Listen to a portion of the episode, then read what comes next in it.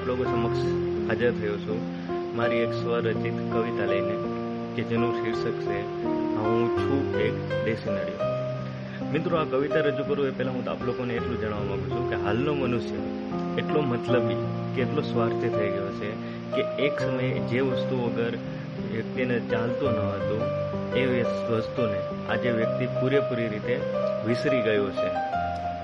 તો, અહીંયા હું રજૂ કરીશ જે કવિતા. એ કવિતા છે નડિયા સંબંધિત. આપણા બધાને ખબર છે કે આપણે નાનપણમાં, એટલે કે આપણો મોટાભાગનો ઉછેર ગામડામાં થયેલો છે. તો ગામડામાં મકાન જે હોય, એ એકદમ દેશી પદ્ધતિનું હોય અને ત્યાં જે નળિયા હોય, એ નળિયા પણ એકદમ દેશી હોય. જે લોકોને ખબર હશે, એ દેશી નળિયા અર્ધ ગોળાકાર હોય છે. તો એ દેશી નળિયું જે છે, એની જગ્યાએ અત્યારે એ આપણે કંઈ જોવા મળતું નથી. તો આજે હું જે કવિતા રજૂ કરવા જઈશ, એમાં દેશી નળિયાની જ વેદના છે. તો રજૂ કરું છું કવિતા, કે જેનું શીર્ષક છે, હા, હું છું એક દેશી નડ્યું. માટીમાંથી મહા મહેનતે જન્મેલ હું. માટીમાંથી મહા મહેનતે જન્મેલ હું. હા, હું છું એક દેશી નળિયું ખૂબ જ ખુંદાઈને અંતે, ખૂબ જ ખુંદાઈને અંતે અર્ધગોળાકાર મળ્યો મને. હા, હું છું એક દેશી નળિયું પહેલા ભઠ્ઠાની આગમાં, પહેલા ભઠ્ઠાની આગમાં અને પછી તાપમાં તપાવીને મજબૂતી અને સખતાઈ આપવામાં આવી મને, હા છું એક દેશી નળિયું. ત્યારબાદ શહીદની માફક. ત્યારબાદ શહીદની માફક કેસરી ઘેરા રંગથી રંગાયું, હું, હા, હું છું એક દેશી નળિયું. અમીર કે ગરીબના ભેદભાવ રાખ્યા વગર. અમીરી કે ગરીબીના ભેદભાવ રાખ્યા વગર બધાને આપ્યું રક્ષણ મેં. અમીરી કે ગરીબીના ભેદભાવ રાખ્યા વગર બધાને રક્ષણ આપ્યું મેં, હા, હું છું એક દેશી નળિયું.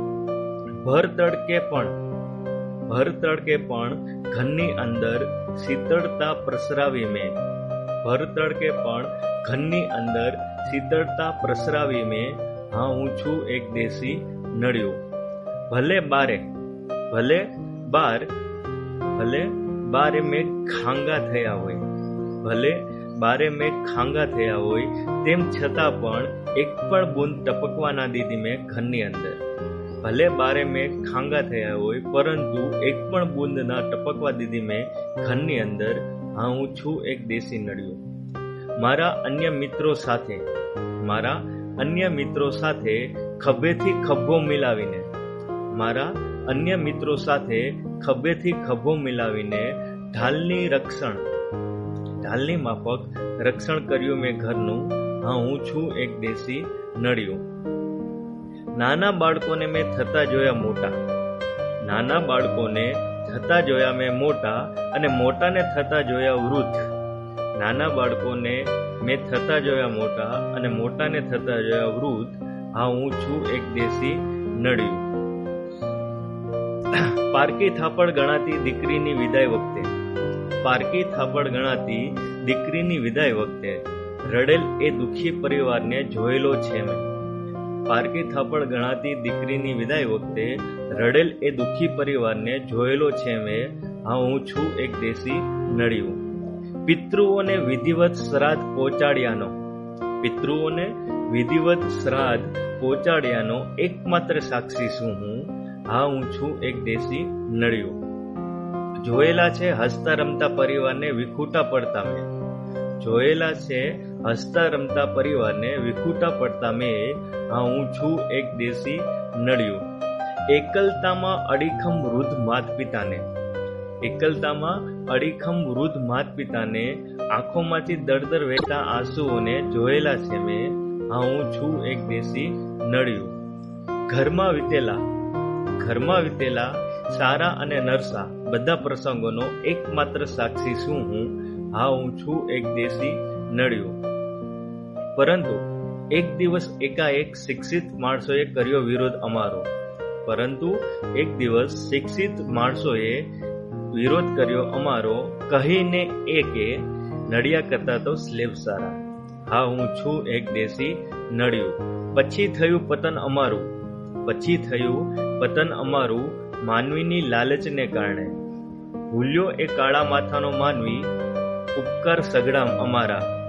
પછી થયું પતન અમારું, માનવીની લાલચને કારણે ભૂલ્યો એક કાળા માથાનો માનવી, સગડા, ઉપકાર અમારા.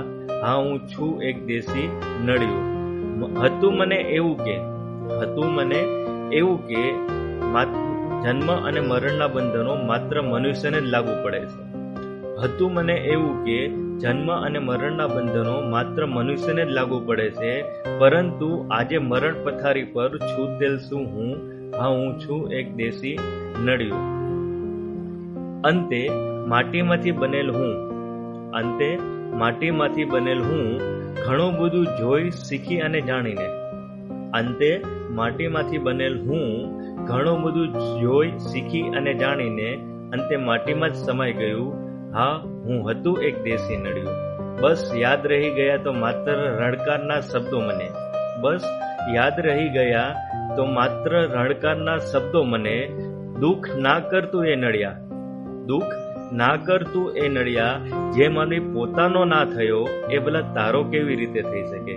હા, હું હતું એક દેશી નળિયું જો મિત્રો તમને મારી કવિતાના શબ્દો આપના હૃદયને સ્પર્શી ગયા હોય, તો મારી આ કવિતાને વધુ વધુ લોકો સુધી પહોંચાડવા માટે મારી તમને નમ્ર વિનંતી છે. આ ઉપરાંત મારી યુટ્યુબ ચેનલ રાહુલ મકવાણા એ ગુજરાતીને સબસ્ક્રાઇબ કરવા માટે લાઈક કરવા માટે અને શેર કરવા માટે મારી તમને નમ્ર વિનંતી છે.